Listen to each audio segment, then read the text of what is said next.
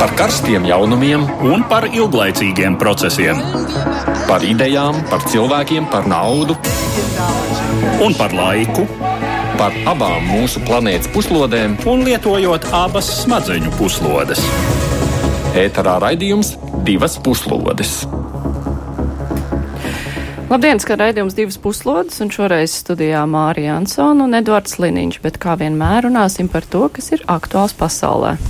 Amerikas Savienoto Valstu prezidents Donalds Trumps un kongresmeņi joprojām nespēja vienoties par valsts budžetu. Strupceļu radījusi Trumpa prasība piešķirt finansējumu mūra būvniecībai gar Meksikas robežu. Konflikta dēļ kopš 22. decembra apturēts daudzu federālās valdības iestāžu darbs. Pagaidu izdevumu likumprojektu, tostarp paredzot finansējumu mūra būvniecībai, 20. decembrī pieņēma parlamenta apakšpalāta, bet to neizdevās apstiprināt augšpalātā senātā. Ko nozīmē šīs nesaskaņas, par to runāsim jau pavisam drīz. Un vēl viens temats no otras pasaules malas zvērastu šonadēļ nodevis Brazīlijas jaunais prezidents Žairs Bolsonaru, bijušais armijas kapteinis. Un galēji labējais politiķis Bolsonaru uzrunā tautai sacīja, ka viņam stājoties prezidenta amatā valsts ir atbrīvota no sociālismu un politiskā korektuma, kas ir Bolsonaro un kur viņš vedīs Brazīliju, par to klausīties raidījuma laikā.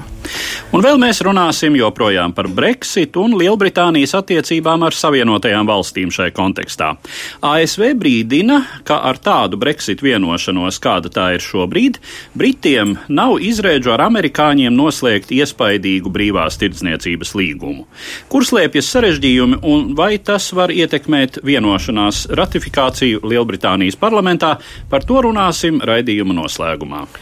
Bet klausītāji, kā parasti, ir aicināti komentēt, sūtot ziņas mūsu mājaslapā, raidījumam Latvijas Radio 1, ēterā skanošiem raidījumam, bet mums ir arī Twitter raidījums šodien, un tas saskar ar mūsu raidījumu tematiku, un tas ir, vai jūs atbalstat Donalda Trumpu ideju uz robežas ar Meksiku būvēt mūri.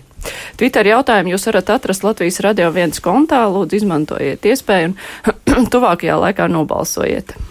Un kopā ar mums studijā šodien ir Latvijas ārpolitikas institūta asociētais pētnieks Aldis Austers. Labdien! Labdien! Un žurnāla ir komentētājs Pauls Raudseps.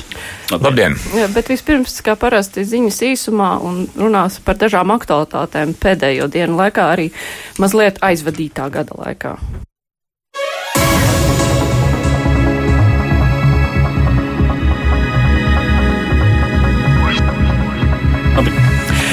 ASV un Izraēla ar jauno gadu oficiāli izstājušās no ANO izglītības zinātnes un kultūras organizācijas UNESCO. ASV jau 17. gada oktobrī paziņoja, ka izstāsies no šīs organizācijas, apsūdzot to aizspriedumos pret Izraēlu. Pēc tam līdzīgu soli spēra Izraēla un arī paziņoja, ka pametīs UNESCO. Savienotās valsts kādreiz bija lielākās UNESCO finansētājs, taču nolēma apturēt savus iemaksas pēc 11. gada balsojumu par palestīniešu pašpārvaldes uzņemšanu dalībvalsts statusā. Lielbritānijas aizsardzības ministrs Gevins Viljamsons paziņoja, ka pēc Brexita būtu iespējama jaunu Britu militāro bāzu izveida Karību reģionā un tuvajos austrumos. Jaunu bāzu veidošana būtu sastāvdaļa stratēģijai, kuras mērķis ir pēc aiziešanas no Eiropas Savienības atkal padarīt Lielbritāniju par patiesu globālu spēlētāju. Tā ministrs ir norādījis intervijā Sandēja Telegrāfa. Viņš arī prognozēja, ka Lielbritānija pēc izstāšanās no Eiropas Savienības ievērojami mainīs politiku politiskos uzsvers, veidojot, veidojot ciešākas attiecības ar Austrāliju, Kanādu, Jaunzēlandu, Āfriku un Karību reģionu.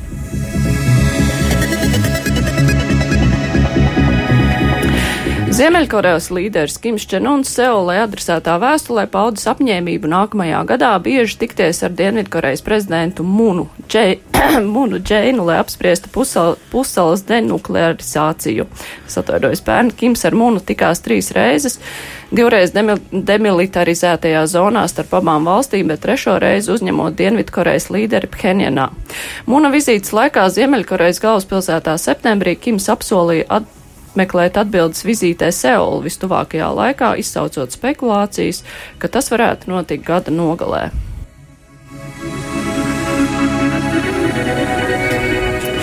Vairāk nekā trešdaļa, jeb 38% vāciešu vēlas, lai Angela Merkele kanclera samatā tiktu nomainīta vēl pirms viņas pilnvaru termiņa beigām 21. gadā. Par to liecina aptauju, kur pēc aģentūras DPA pasūtījuma veicis sabiedriskās domas pētniecības uzņēmums YouGo. Merkele nesen atstāja Kristīgo demokrātu vadītāju amatu, kurā atradās 18 gadus. Tomēr viņa plānoja palikt kanclera amatā līdz pašreizējā pilnvaru termiņa beigām 21. gada rudenī. Pēdējā laikā Merkels partija zaudējas vēlētāju atbalstu un kancleru nolēma atteikties no partijas vadības, kas tās rokā ir kopš 2000. gada. Daļa partijas biedru atbalsta kritumu kristīgiem demokrātiem saist ar Merkels pretrunīgi vērtēto lēmumu 15. gada rudenī atvērt Vācijas robežas nekontrolētai nelegālo imigrantu plūsmai. Bet nu par sākumā minētajiem tematiem plašāk sāksim vispirms ar jaunumiem no Amerikas Savienotajām valstīm. ASV valsts budžeta sistēma atšķiras no vairuma citu valstu. Tajā nav iestrādāts automātisks budžeta izmaksu turpināšanas mehānisms gadījumam, ja aizkavējas kārtējā budžeta apstiprināšana, un tas Savienotajās valstīs notiek biežāk nekā budžeta pieņemšana laikus. Šādos gadījumos kongress pieņem atsevišķus budžeta pagaida pagarināšanas lēmumus, tomēr diezgan bieži ir gadījumi, kad arī šo lēmumu pieņemšanas process aizkavējas, un tad iestājas valdības institūciju darba pārtraukums jeb burtiski tulkojot angļu jēdzienu government shutdown, valdības slēgšana. Tiek būtiski ierobežota valdības institūciju finansēšana, tā skaitā šo institūciju darbinieki nesaņem darba algu. Tā kā Savienoto valstu federālā budžeta sadaļas tiek apstiprinātas autonomi, šīs darba apturēšanas parasti neskar vienlīdz visas valsts finansētās sfēras. Tādas institūcijas kā armija, diplomātiskais dienests, valsts drošības un tiesības sargājošās iestādes un tam līdzīgi vitāli svarīgi dienesti savu darbu nepārtrauc taču to darbiniekiem var nākties paciesties līdz jaunā budžeta apstiprināšanai. Savukārt tie, kuri strādā mazāk svarīgās iestādēs, piemēram, muzeju un dabas rezervātu darbinieki, spiesti doties bezalgas atvaļinājumā. Pārtraukumi pēdējos gados parasti gan ilguši tikai dažas dienas, taču šis varētu kļūt par izņēmumu. Tas iesākās pagājušā gada 22. decembrī un turpinās joprojām. Šoreiz iemesls ir prezidents Trumps, kurš atsakās apstiprināt budžetu, ja tajā nebūs 5 miljardu viņa iecerētajai aizsargbūvei mūrim uz robežas ar Meksiku. Kongress, kurā šai Trumpa idejai nav vajadzīgās piekrišanas, nav bijis gatavs piekāpties. Šodien savu pirmo sēdi pulcējas jaunievēlētais 116. Kongress, kura pārstāvju palātā Demokrātu partijai tagad ir vairākums. Attiecīgi ir maz izredzu, ka prezidentam Trumpam izdosies īstenot savu finansiālo šantāžu. Var piebilst, ka valdības darba apstādināšana nekad nepaliek bez ekonomiskām sekām samazinot iekšzemes koprodukta pieaugumu par vienu vai vairākām procenta desmitaļām, kas, ievērojot ASV ekonomikas kopapjomu, ir miljardos dolāru mērāmi zaudējumi.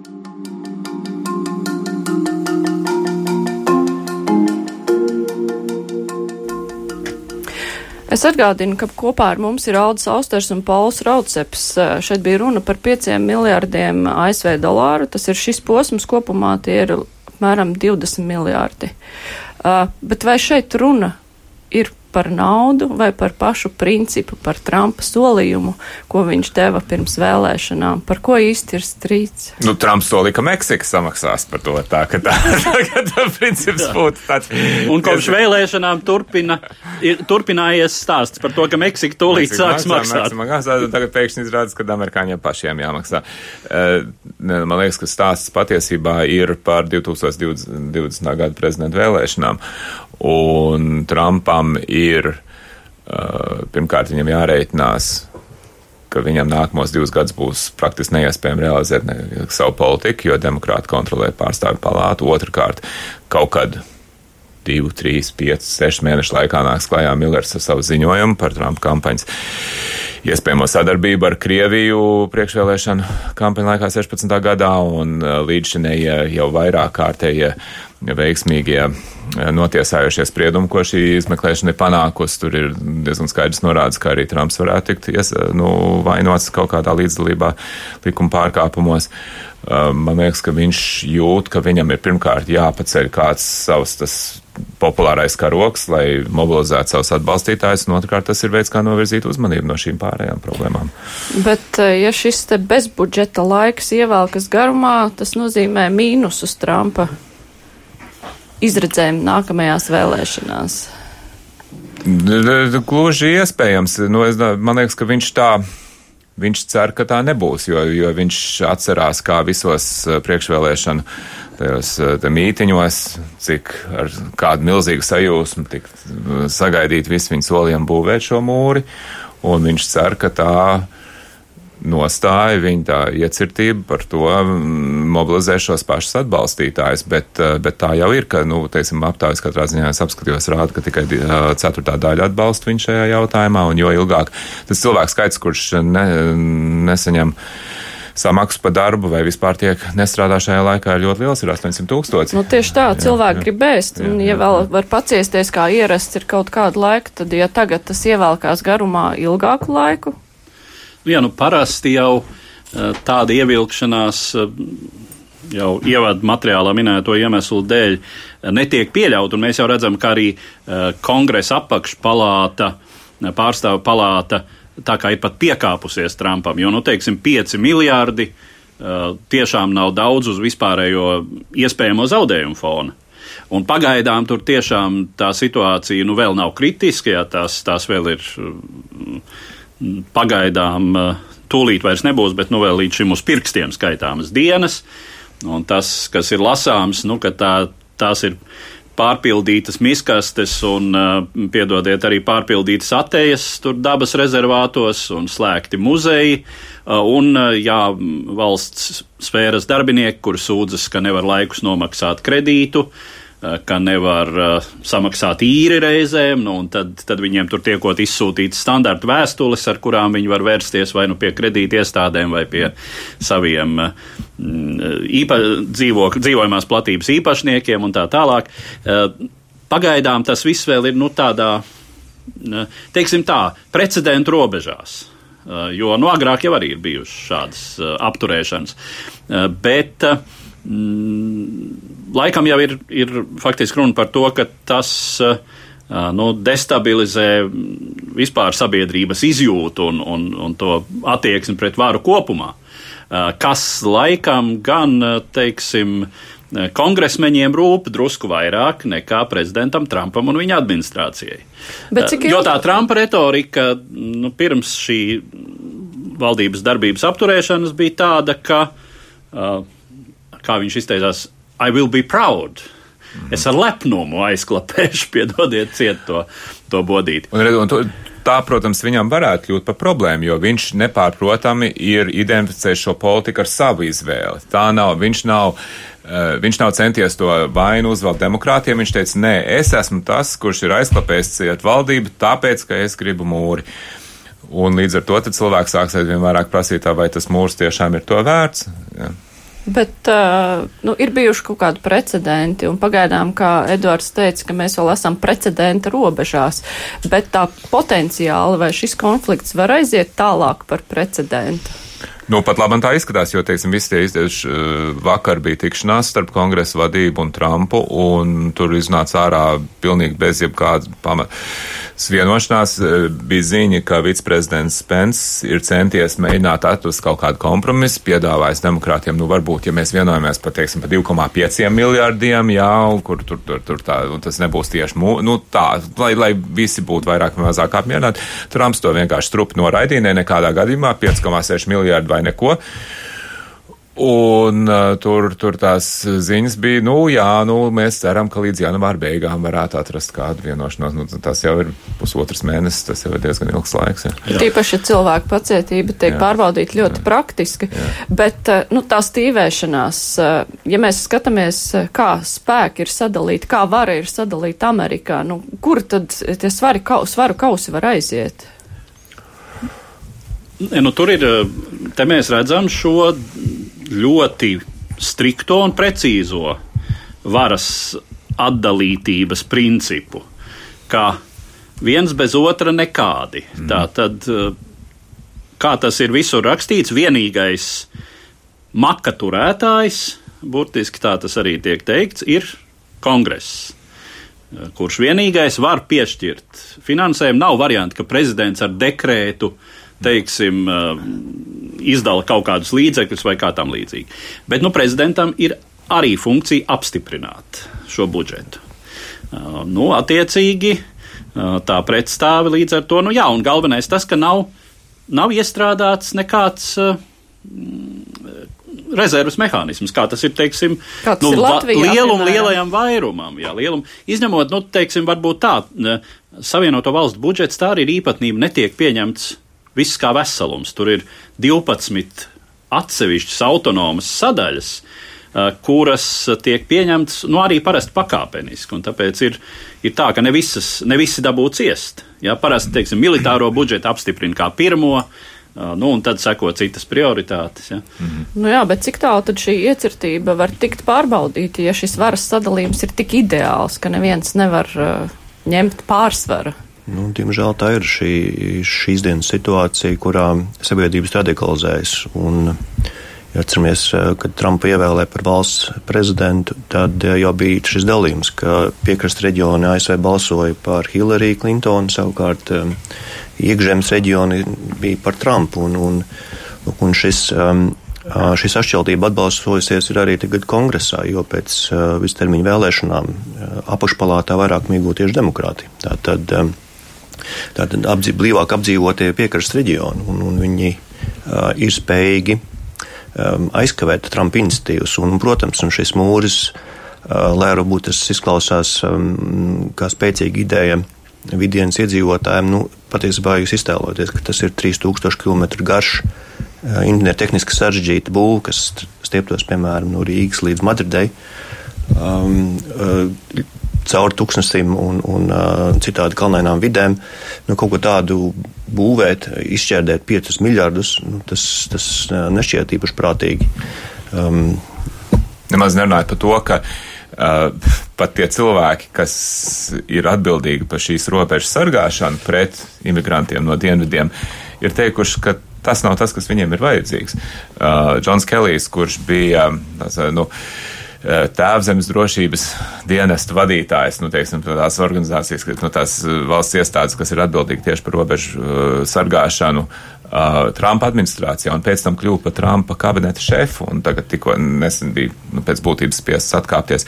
Viņš neilgi pēc atkāpšanās sniedz interviju Los Angeles Times, kur viņš teica, pat tādu mūri, tā ideja jau ir sen atmesta. Neviens vispār no tiem cilvēkiem, kas atbild par šīs robežas sargāšanu, tādu negrib.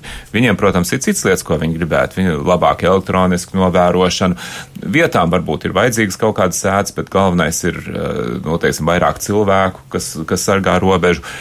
Un arī, kas, kas esot liela problēma, ko, ko nemaz neuzrunāja, ir, ka, teiksim, ka Amerikas likumdošanā ir daudz iespējas, ja cilvēki pat, ja viņi iekļūst nelikumīgi valstī, ja viņi reiz ir iekšā, ir diezgan grūti viņus deportēt. Viņš teica, nu tā likumdošana būtu jāsakārto, bet nu mūris tas nav tas, kas mums ir vajadzīgs. Bet kāpēc Trumpam tik ļoti ir vajadzīgs mūris? Viņš nesaprot, vai viņš ir kaut ko pierādīt? Nu, mūris tas ir uzskatāms šajā gadījumā faktiski simbols, Jā. ko var parādīt. Tas mm. ir viņa politikas simbols. Jā. Tas ir vienkārši saprotams. Un, teiksim, es domāju, ja cilvēks dzīvo kaut kur Amerikas vidienē, arī tādus tūkstotus kilometrus no Rio Grandes upes un ne, nezinu, kāda tur apstākļi, bet, ja saka, mēs būvēsim mūru, nu, tad katrs var saprast, jā, siena, jā, tas novērsīs visus šos migrantu plūdus. Ja viņam pateiks, mums būs kaut kāda elektroniskās novērošanas kameras un tā tālāk, nu kas tas tāds? Ja mēs iedomājamies, kā mēs mm. uztveram, tomēr arī ar zināmu atvieglojuma izjūtu to, ka mēs zinām, ka tagad gar Latvijas austrumu robežu ir jau kaut kādas konstrukcijas, Jā. ka tur nav vienkārši nosacīta līnija mežā, kuru robežsargi kontrolē un novēro. Jā. Nu, Mums tas arī patīk. Bet nu, tā ir jāpiezīmē, ka, protams, ka tā ir viena no visaktīvākajām robežām pasaulē. Šie cilvēki skaits, kas ķērso šo robežu ikdienā, caur legāliem punktiem, vai arī cenu apējošos legālus punktus, ir diezgan liels. Un šie cilvēki, meksikāņi, ir būtiska daļa no, no piemēram, tādas Kalifornijas ekonomikas. Un te arī ir miljardos, miljardos vērtējams iegūms, ko, do, ko saņem valsts Amerika. Jo jāsaprot tas, kā arī amerikāņi nav tik vairs griboši strādāt melnos darbus par to atalgojumu, ko viņiem piedāvā, kamēr meksikāņi ir labprāt un to dara. Tā kā no nu, šeit šis jautājums ļoti sarežģīts ir, un šeit ir iezīmējis tas konflikts starp, starp um, Amerikas vidieni un, un piekrastes reģioniem, varētu teikt, kultūras konflikts, jo tas mūrs ir kā simbols, simbols e, jaunai Amerikas idejai, noslēgts Amerikas idejai, kas nekādā ziņā nesaskan ar, ar šo vairāk liberālo piekrastes reģionu iedzīvotāju uzskatiem Amerikā, kur Amerika ir brīva valsts. Un, un, Jā, Amerika ir valsts, kas ir veidojusies imigrācijas rezultātā, bet, protams, te ir jāskatās drusku arī uz vēsturi. Un, um, Amerika savulaik izveidojās pašreizējās robežās ar ļoti būtisku ekspansiju, tieši militāru ekspansiju, tieši Meksikas virzienā, apmēram par pusi samazinot uh, to brīdi. Uh, pastāvošās Meksikas teritorija, kāda tā bija pēc tam, kad Meksika atbrīvojās no Spāņu koloniālās pārvaldes. Tā bija krietni vairāk, tā bija visa Kalifornija, vēl virkne, virkne Amerikas dienvidu rietumu štatu, kuri līdz tam piederēja Meksikai. Un, Līdz ar to jautājums par spāņu valodīgo meksikāņu izcelsmes iedzīvotāju skaitu šajās teritorijās ir uh, jutīgāks nekā faktiski par jebkuru citu imigrantu kopienu, jebkur citur Savienotajās valstīs. Bet, ja mēs runājam par šo mūri kā par nākamo vēlēšanu jautājumu, kas ir vēl Trumpa solījumi, ar kuriem viņš nāca uz šīm vēlēšanām un par kuriem varbūt viņam būs jāatskaitās ejot uz nākamajām, ko viņš ir padarījis, ja mūris ir tik svarīgs, lai viņam būtu kāds iesāktais darbs lielais. Nu, man šķiet, ka tomēr tā imigrācijas ierobežošana bija pirmais jautājums, ko viņš iekustināja. Viņš piesaistīja uzmanību tieši savā pirmajā preses konferencē, ja, nu, paziņojumā, kad viņš uh, paziņoja par to, ka viņš kandidēs. Ka viņš teica, ka viņš pārstās to, ka šie izvarotāji un slepkavas no Meksikas nāk uz Ameriku. Tas bija tas, kas uzreiz viņam deva lielo uh, grūdienu aptaujās un tā tālāk. Tā, man liekas, ka šis tomēr ir pats svarīgākais viņa solījums, jo tās cits lietas, nu viņš, piemēram, ir solījis, ka viņš uh, nosusinās purvu Vašingtonā, samazinās korupciju un visādi lobizmu un tā tālāk. Nu, Uzlabos attiecības ar Krieviju. Jā, tas, tas, tas purvs vēl ir dziļāks un staignāks nekā viņš bija kad, pirms tam, kad Trumps ieradās. Tā, ka es domāju, bet, bet tie visi ir tādas, nu, tās ir blakus parādības, bet šis, tas jautājums par imigrāciju, un otrs, protams, ir par tirdzniecības politiku. Jā, un tas, un, um, kas arī ir tāds, šita, nu, Amerika kā cietoksnis, Amerika, kas sev pasargā no pārējās pasaules, Amerika, kas norobežojās. Un uh, tas ir tas otrs, un tad man liekas, ka nākamos mēnešos, uh, nu, it kā ir panākts tāds uh, nosacīts pamieris ar Ķīnu par tarifu to karu, bet uh, es nu, baidos. Tas tādas ļoti sarežģītas lietas savukārt jā. Cilvēkam, kurš varbūt par Ķīnu īpaši neinteresējās. Bet kāpēc Trumps savā attieksmē nevar būt elastīgāks? Un, ja ir nepieciešams nostiprināt robežu, tad meklēt citus risinājumus vai runāt par citiem risinājumiem? Ne, tā konkrētajā budžeta situācijā viņam jau bija, teiksim, arī zināmi solīši pretim, bet tur, cik nu var spriest no tām publikācijām, tad mehānisms ir bijis tāds, ka tiklīdz uz Trumpu Trumpu izdara spiedienu viņa radikālākie atbalstītāji, mediji, kur ir viņa pusē norādot, ka nesoli atpakaļ šajā jautājumā. Tā mainās arī prezidenta pozīcija. Man liekas, arī jāsaprot, ir gan viņa raksturs, gan viņa personiskā vēsture. Viņš kļūst slavens Amerikā vislielākā mērā pateicoties tam, ka viņš bija televīzijas realitātes šova zvaigzne. Viņš saprot vienkāršus, simboliskus soļus, Viņš zina, ka tas cilvēkus nu, ka tas rada emocionālu reakciju. Viņš zina, kā šos simbolus manipulēt. Tāpēc viņš arī saprot, ka, viņ, ka viņam ir jāatrast kaut kas vienkāršs, bet uzrunājošs, kas viņa atbalstītājs mobilizēs. Un, viņš, un tas otrs ir, domāju, tas runā par viņa raksturu. Viņš nav cilvēks, kas ir vērsts uz kompromisiem. Viņš ir vērsts uz, nu, kā krievi saka, kto kavo, vai ne, teiksim, kurš kuru. Tas ir vai nu es uzvaru, un dominēju, vai tas otrs mani pazemo. Un viņš nesaprot to, ka var kaut kādā veidā atrast to win-win, ja to katrs uzved. Nu, kā, tad, Al, kā to sauc? Alfa tēviņš. Jā. bet kā tad šim jautājumam ir jābeidzas, jāatrisinās, lai Trumps būtu ieguvējs? Ne, nu, tur šodien, ka nu, kādai pusē jāpiekāpjas. Nu, nu, kā kolēģis teica, jā, iespējams, ka uh, šie kongresa, um, kongresmeņi ir jūtīgāki pret, pret, um, pret vēlētāju noskaņojumu maiņu un, un ka viņi piekāpsies un atvēlēs. Tā, protams, šie 5 miljardi nav kritiska summa. Lai gan tā ir liela, liela nauda, tomēr, tomēr ņemot vērā Amerikas kopējā ekonomikas lielumu, tas, tas nav tik būtiski. Nu, lai būtu šī dārgā rotaļlieta prezidentam, Es neesmu tik pārliecināts. Es domāju, ka demokrāti tagad ir. Uh, Viņi ir sapratuši, ka viņiem ir vairākums kongresā. Viņi ir, domāju, ka ļoti nozīmīga daļa partijas, varbūt ne vēlētāji, bet es domāju, ka no partijas uzskata, ka viņu labākais ceļš, kā atgūt 20. gadā Balto namu, ir visu laiku uzbrukt Trumpam, teiksim, uzturēt spiedienu. Uh, demokrātu vadībai būs ļoti grūti piekāpties šajā jautājumā, jo tad viņi var sastapties ar to, ka viņi paši partijā būs dumpis pret viņiem. Tā, ka man, es neesmu tik pārliecināts, ka demokrāti drīz būs gatavi piekāpties. Nu Jā, jo viņu pozīcijas šobrīd ir uzlabojušās. Jā. Te ir vēl tā nianse, ka šodien, šodien pirmo reizi sanāk jaunā sastāva kongress, kurā demokrātiem ir eh, būtisks pārsvars. Mums ir noslēgusies tā mūsu aptauja, kur mēs vaicājam par to, vai klausītāji atbalsta Donald, Donaldu Trumpu ideju būvēt mūru uz robežas ar Meksiku. Nu, 76% saka nē, 21% saka jā, 3% ir cits uh, viedoklis, bet uh, brīnišķīgs, ā, nē, pat 77% saka nē. Uh, bet kāds klausītājs ir ierakstījis komentāru, man vienalga. Kas taisnība sakot? Mūsu kontinentā Tādam vajadzētu būt. varētu arī būt, bet uh, jautājums, cik lielu sabiedrības daļu Amerikas Savienotajās valstīs šis konkrētais jautājums interesē, vai tur ir bijuši kaut kādas aptaujas, vai ziņu nav šobrīd par to. Nu, es bija aptāja, kas uh, rādīja, ka 25, pro- tikai 25% atbalsta Trumpa nostāju. Šajā, jā, teiksim, ka, ka ir vērts uh, teiksim, apturēt finansējumu nozīmīgai valdības daļai. Bet kurā, kurā brīdī šī aptāja tika veikta? Es saprotu, ka pēdējās dienās nu, tas ir relatīvi. Nu, tas ir kopš, kopš finansējuma Nu, tas varētu arī būt arguments jā. uh, Nu, te par kaut kādiem lēmumiem. Tiešām ir tā, kā Pauls saka, tad ā, patiesībā mums sagaida ām, īpaši patīkams gads Amerikā, jo tad tā Nu. konfrontācija padziļināsies un ā, patiesībā tas ir ām, no stupceļš.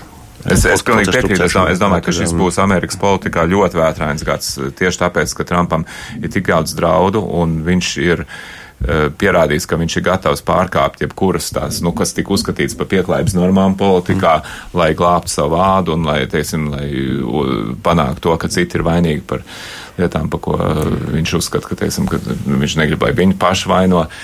Tā kā es domāju, un ņemot vērā Milleru un šito visu to pārējo, es domāju, ka tiešām būs ļoti vētrains gads Amerikas politikā. Bet uh, tas Amerikas politikā, iekšpolitikā vētrains gads, bet kaut kā mēs taču to jutīsim. Nu, Es ne domāju, mēs. Latvija konkrēti, Es dom- bet arī domāju, ka- Eiropā. Nu, nu, tāpēc es tieši pieminēju arī tos tirdzniecības tarifus, jo tas ir vēl viens veids, kā viņš var pirmkārt mēģināt mobilizēt savus atbalstītājus, un otrkārt darīt kaut ko, kas atbilst viņu tiem solījumiem. Un, ja sāsnās uh, tirdzniecības attiecības teiksim, starp Ķīnu un Ameriku, nu, tas ietekmēs visu pasaules ekonomiku. Tad mēs esam ieinteresēti, lai tas ātrāk beidzas. Jā. Droši vien. Jā, jā, jā. jā tā kā domāju, klausītājiem. Cik tālu mēs dzīvojam uz šīs planētas? Jā. Jā, tā kā ziņojam klausītājiem, ka nevajag būt pilnīgi vienalga par, par Amerikas un Eiropas attiecībām. Mēs runāsim arī raidījuma noslēgumā, bet tagad būs temats vēl tajā pusē, kur eh, šobrīd eh, gaisma, laikam, ja tā rēķina pēc eh, stundām.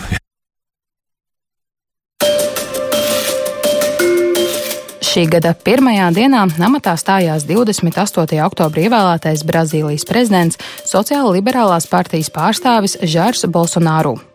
Kādreizējais desantnieks un artilērists, kas armijā uzdienējies līdz kapteiņa pakāpei, ir savulaik valdījušās militārās huntas apjūsmotājs, atklāts rasists, radikāls nacionālists un labējais. Viņš neslēpj nicinošu attieksmi pret jebkādu kreisumu, pret minoritāšu, sevišķi jau seksuālo minoritāšu tiesībām, un sliktu slavu iegūs arī ar rupja tēviņa izgājieniem saskarsmē ar sievietēm, taiskaitā savām kolēģiem deputātēm. Viņa konkurence vēlēšana otrajā kārtā bija strādnieku partijas pārstāvis Fernando Adats, un inaugurācijas ceremonijā Bolsonaro lepni paziņojis, ka atbrīvojas valsti no sociālisma un politkorektuma. Viņa valdības pirmie lēmumi ir nevalstisko organizāciju pakļaušana stingrākai varas uzraudzībai un iedzimto cilšu zemju izmantošanas pāraudzības nodošana lauksaimniecības ministrijai, kas tieši ieinteresēta to intensīvā izmantošanā. Žērs Bolsonaro reizēm tiek dēvēts par tropu Trumpu, lai gan šķiet, ka daudz adekvātāks salīdzinājums šim artilērijas kapteinim būtu ar BDK pulkvedi Putinu.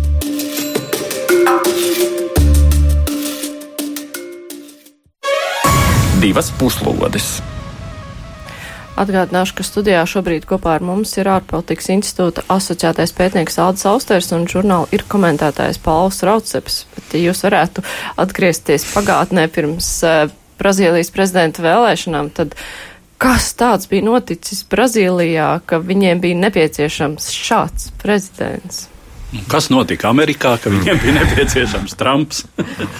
Un kas ir noticis Itālijā, ka viņiem ir nepieciešama tāda valdība, un galu galā droši vien arī par Latviju mēs arī šo to varētu šeit šādā posmā ieslīgusi, vai tomēr tur bija kaut kāda, it kā brīvajā Brazīlijā, nu, nosacīt? Nu, tur ir jāskatās Brazīlijas vēsturi, jo um, jāatceras, ka Brazīlija bijuši trīs huntas, un, var sakot, šī valsts sabiedrība ir, ir, ir, ir, ir lēkus no, vienā, no vienas galējības otrā galējībā, un, un šis huntas ir mījušās ar, ar civilistu pārvaldēm. Pēdējā no 85. gada bija Kreiso eh, strādnieku partijas vadīta, eh, vadīta valsts, eh, kura parūpējās par parasto tautu, bet, protams, neaizmirst par sevi. Un, un šis korupcijas skandāls, kas nāca gaismā 14. gadā, kontekstā ar kopējo krīzi šajā valstī, diezgan smagi zaudējumi bija saistībā ar, ar, ar, um, ar, ar, ar, ar iegūstu rūpniecības krīzi. Uh, Um, nu, protams, sabiedrība noskaņoja pret valdošajiem, uh, valdošo darbu partiju, kuras spēcīgāks līderis būtu, protams, bijušais prezidents uh, Lūda Silva. Un, un, un sekojušie prezidenti būtībā dzīvo viņa harizmas ēnā, bet lūk, šis korupcijas skandāls ir, ir šo pacietības mēru piepildījis, un, un, un, un cilvēki ir, ir atkal atgriežies pie, nu, redziet, tik atklāti radikāļi, kurš ir uh, aktīvs hundas aizstāvētājs, kurš militārā diktatūra, kur pastāvēja Brazīlijā te vairāk nekā 20 gadus. Nu, tas, jā, nu, tātad šī šāda arī, nu, Tā. Demokrātijas, jā, nu, varētu teikt, pat savā ziņā pat jāsaka, nu, nenobried uz demokrātiju, kurā nav joprojām izstrādājušies šie nu, mīkstinošie mehānismi, kas neļauj tomēr tik krasi mainīties sabiedrības noskaņojumam. Ar kādām valstīm. metodēm notiks cīņa ar korupciju? Nu, taisnība sakot, Bolsonaro tā retorikā nav galvenais akcents uz cīņu ar korupciju kā jau tas izskanēja, tātad viņa galvenais akcents ir uz, teiksim, de.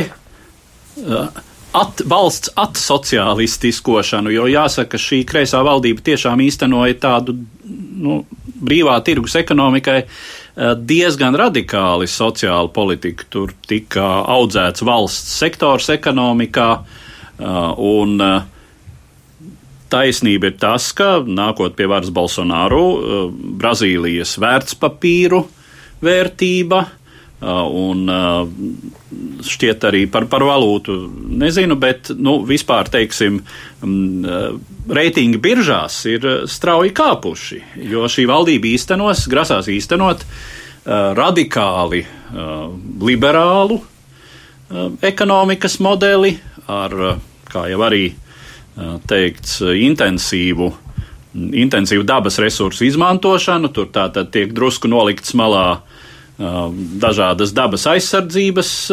Ne jau tikai drusku. no, jā, jā, jā. drusku nebija, nebija apzīmējums vietā. Jā. Tā tad, nu, vis, ar visādiem, visādiem ekoloģistiem arī. Apmēram turpat, kur sociālisti tajā plauktiņā, jā, tā tad, lai nemaisās riktīgajiem večiem pa kājām. Uh, nu, un, uh, teiksim, uh, Finanšu tirgi uz to reaģē Brazīlijai pozitīvi. Nu, mūsu ārlietu ministrs jau arī minēja, ka Latīņa Amerika tuvākajā desmitgadē būs viens no stabilākajiem reģioniem investīcijām no Eiropas. Tas bija ziņojumā minēts. Varētu būt viens no stabilākajiem, drošākajiem un dinamiskākajiem reģioniem ārvalstu investīcijām, īpaši tādām, kas ir Eiropas izcelsmes. Tas ir mm. mūsu ārlietu sektoru vērtējums. Nu, droši vien Bet... Latvija Amerika ir liela. Droši vien jāskatās, par kurām valstīm ir runa. Jā, es nezinu, vai kāds gribētu Venezuelā, piemēram, tuvākā laikā ieguldīt naudu. Um, bet, nu jā, nu, Bolsonaro ir vismaz solījis, ka notiks ļoti vērienīga valsts uzņēmuma privatizācija, un tas droši vien ir viens no galvenajiem zinējspēkiem tajā akciju tirgu pieaugumam, teiksim, kas saistīta ar viņu ievēlēšanu. Uh, viņam ir ekonomiskā komanda ir tā diezgan klasiski liberāla ekonomiskā nozīmē, un tie soli arī, teiksim, nodrošināt valsts centrālās bankas neatkarību, kas ir tāds klasisks liberālās ekonomikas solis. Viņi sola samazināt valsts parādu, kas ir sasniedzis, nu, priekš Eiropas varbūt tas, nu, tas ir daudz, bet nu, ir arī valsts ar vairāk, bet nu, tomēr 77% no IKP tas ir diezgan liels skaitlis. Apcirpt pārmērīgās pensijas, paaugstināt pensiju vecumu. Nu, šie visi ir tādi klasiski liberālās ekonomikas soļi, bet es piekrīt, ka ne jau, arī ne jau tāpēc viņš tika ievēlēts. Tāpēc varbūt cilvēki tā skatās cerīgi uz viņa politiku, bet, nu, man liekas, ka šis ir, un tas ir, tā, tā ir tāda tendence, ko mēs redzam daudzās valstīs - Amerikā, uh, Itālijā, Ungārijā, Filipīnās, visur, kur tā, tā um, mazākumu uh, marginalizācija uh, Uh, un ar mazākumu mēs arī saprotam sievietes bieži vien. Viņam ir ministrs tagad, kurš būs atbildīgs par sieviešu politiku, kas saka, ka sievietes vieta ir mājās dzemdēt bērnus. Ja? Tas ir, tā ir viņa oficiālā politika. Ja? Uh, šī, nu, es nezinu, cik lielā mērā tas ir laikmeta gars, cik lielā mērā tā ir kaut kāda uh, daudz vietu uztvertā viegli saprotamā reakcija uz nedrošību, ko rada globalizācija, bet katrā ziņā mēs to daudz vietu redzam, un es Bolsonaru gadījumā tas viņš arī savā tajā runā, ko viņš teica, ka viņš nodeva zvēras, teiksim, šīs bija tās, ko viņš uzsvēra, tieši ģimenes vērtības un visu to pārējo. Un ko par to teica Brazīlijas sievietes?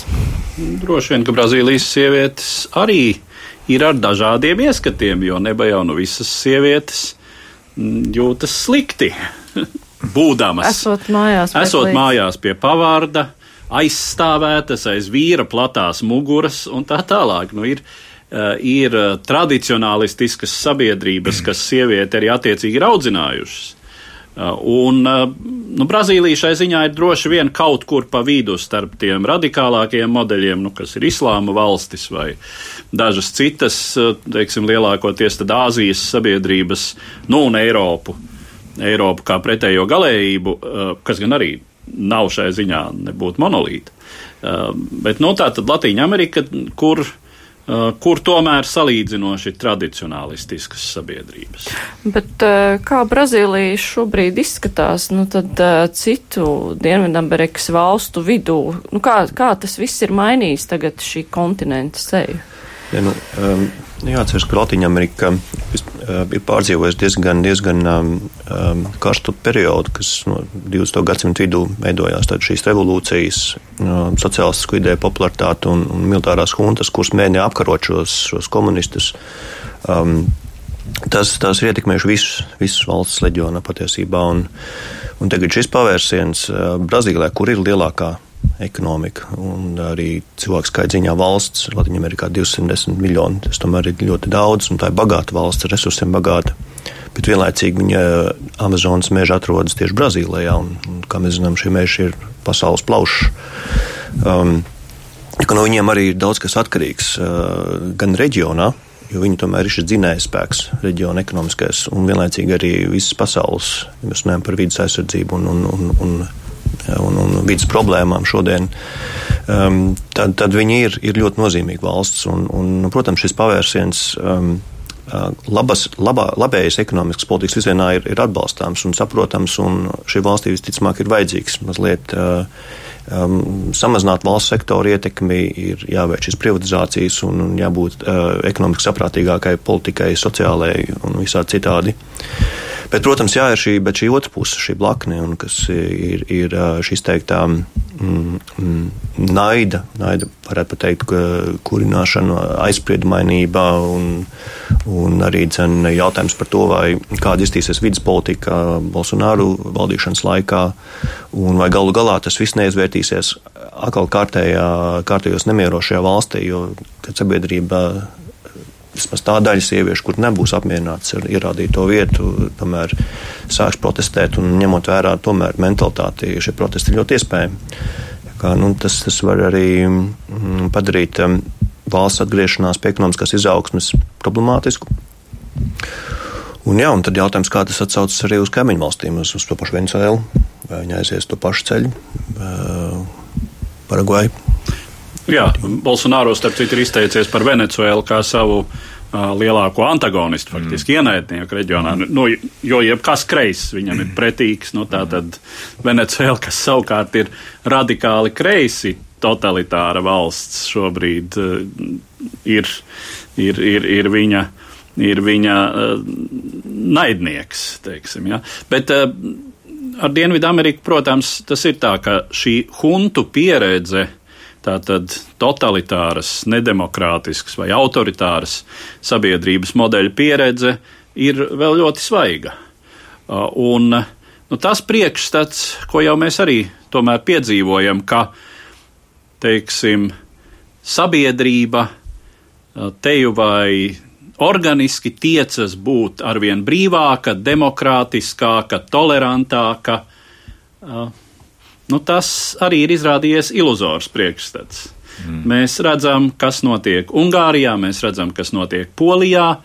Um, nerunājot par daudzām valstīm uz austrumiem no mums, uh, tā tad nu, nav tā, ka mm, sabiedrība um, atbrīvojusies no totalitārisma vienreiz, um, tad nu, sāk iet šo ceļu.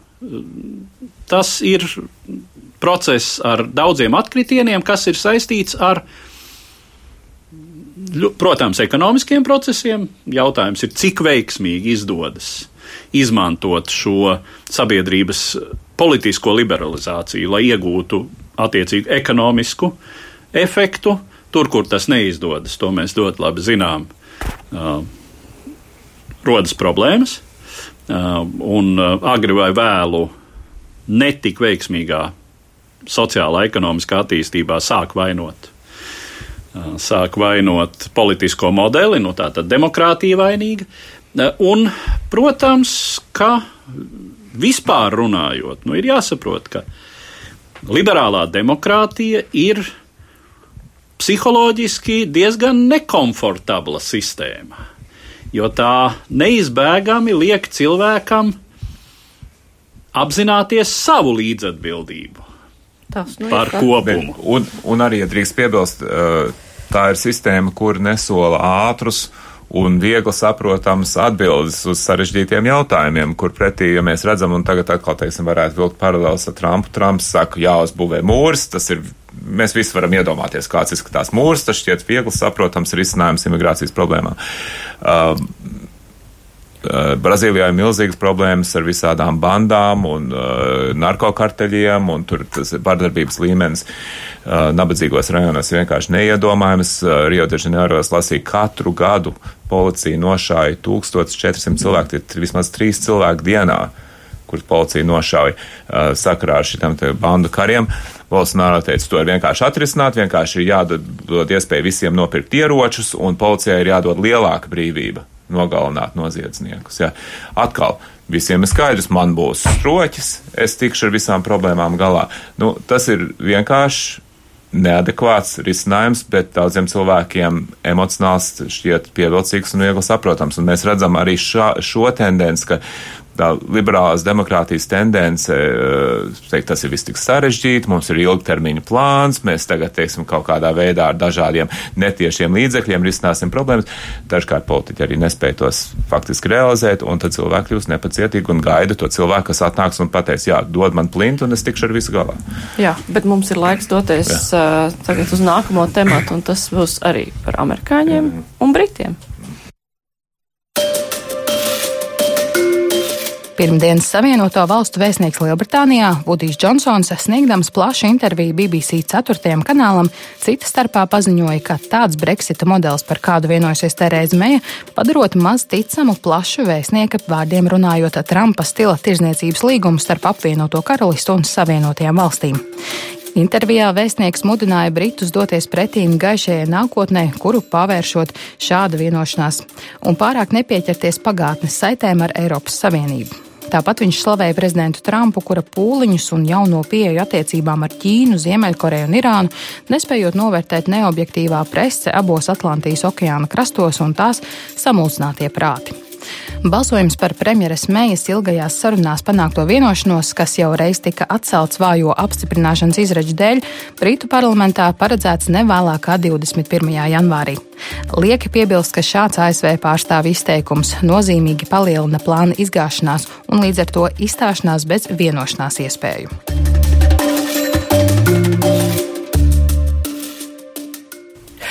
Donalds Trumps arī ir minējis, ka, ja būs pieņemta šī te mīkstā vienošanās, ka tad, eh, nu, īsti nevar noslēgt uh, brīvās tirniecības līgumu starp ASV un, Eiropa, uh, un uh, Lielbritāniju, bet tas vairāk tika pasniegts tā, ka ne jau tāpēc, ka amerikāņi būtu pret, bet tāpēc, ka šī vienošanās īsti neļauj. Tad kā īsti ir, kur slēpjas tie sarežģījumi? Kāpēc tas apgrūtina noslēgt šo vienošanos? Tas ir tas, ko Lielbritānija pat uzstājušies sarunās. Viņi nevēlējās, lai, lai Ziemeļīrija paliktu um, Eiropas Savienības muitas zonā, gadījumā, ja netiek panākt vienošanās par nākotnes tirzniecības nosacījumiem, piedāvāja, ka visa Lielbritānija ir, ir muitas zonā, līdz kamēr tiek panākt vienošanās.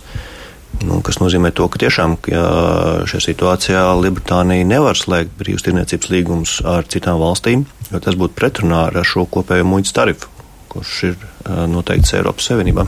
Tas nozīmē, ka šie iebildumi ir ļoti objektīvi. Tāda ziņā, jā. Nu, vairāk vai mazāk no uh, konkrētās tirdzniecības konjunktūras viedokļa, jā.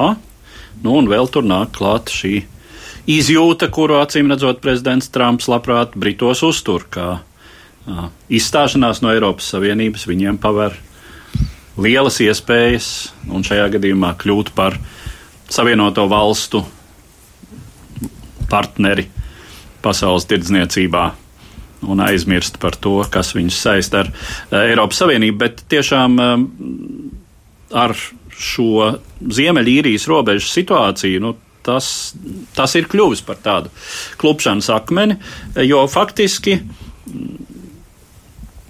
kā to raksturo analītiķi, tātad Lielbritānijas valdība ir uh, sapinusies tādā trīs uzstādījumu kombinācijā, uh, no kuriem no šiem trīs uzstādījumiem var īstenot tikai divus vienlaicīgi. Proti, Britu valdība negrib slēgtu īrijas robežu, un to negrib arī īrija, un tur ir ļoti nopietni politiski iemesli, kāpēc. Tas ir saistīts ar īrijas salas sadalītību, kas ir politiski ļoti bīstama lieta.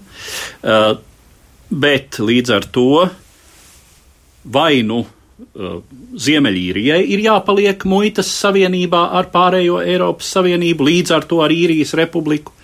Tātad muitas robežai ir jāiet pa vidu starp Ziemeļīriju un pārējo Lielbritāniju.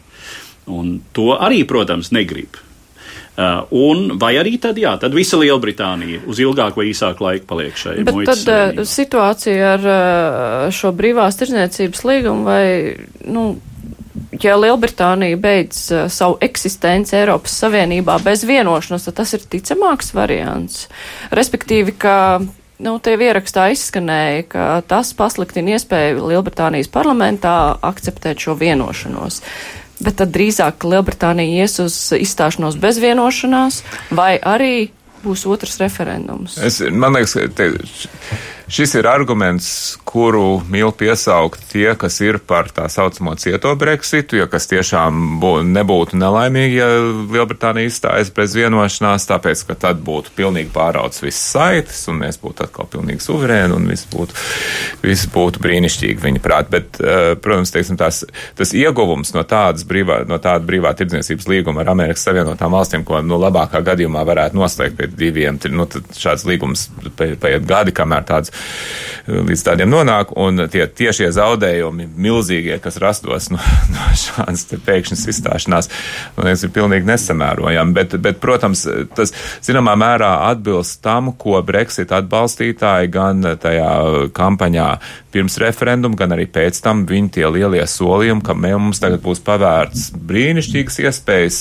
noslēgt vislabākos privās tirdzniecības līgumus ar visādām pasaules valstīm, ko mums līdz šim it kā liedza līdzdalība Eiropas Savienībā. Un, un tādā ziņā, teiksim, nu, tas kaut kādā veidā atkal atgādina tos. Bet, bet man liekas, ka tur arī ir otra lieta, ka Trumps pēc būtības ir pret Eiropas Savienību. To viņš pats ir teicis, Pompeo tā ir teicis, ja mēs redzam, ka viņa administrācija, viņa bijušais padomnieks, kur, teiksim, domāšana tomēr atspokļo arī nozīmīgi daļu no Trumpa pasaules uzskata Banons, ir tagad mēģina organizēt uh, kaut kādu tur transnacionālu organizāciju, kas uh, iznīcinās Eiropas Savienību.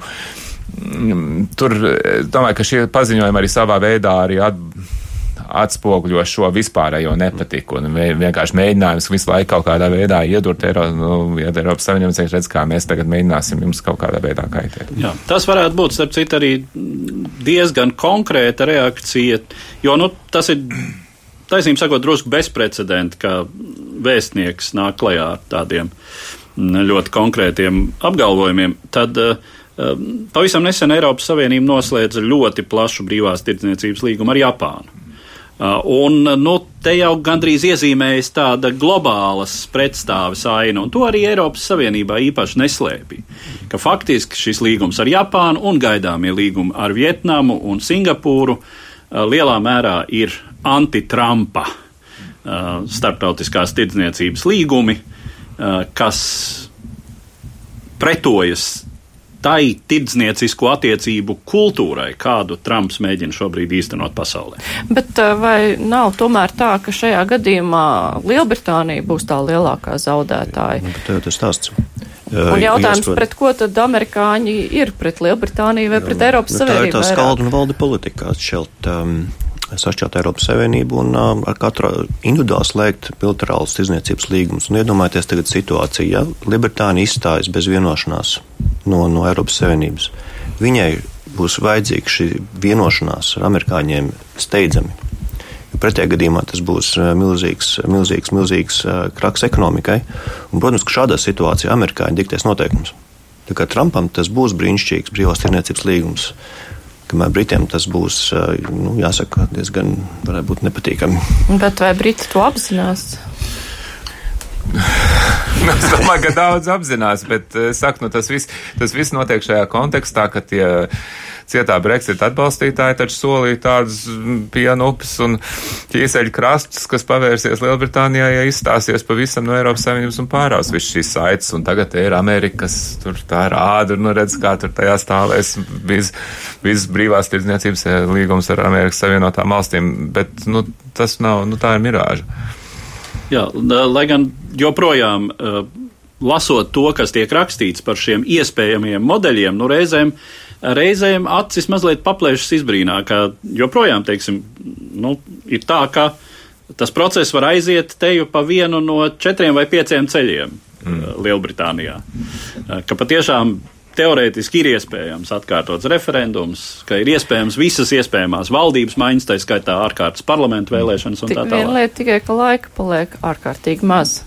Jā, jā, arī mums jā. laiks ir beidzies raidījumam. Šeit bija ārpolitikas institūta asociētais pētnieks Aldis Auster, žurnāli ir komentētājs Pauls Rauceps, arī Eduards Liniņš un es Mārija Ansona raidījumu producēju Ieva Zēze. Visu labu!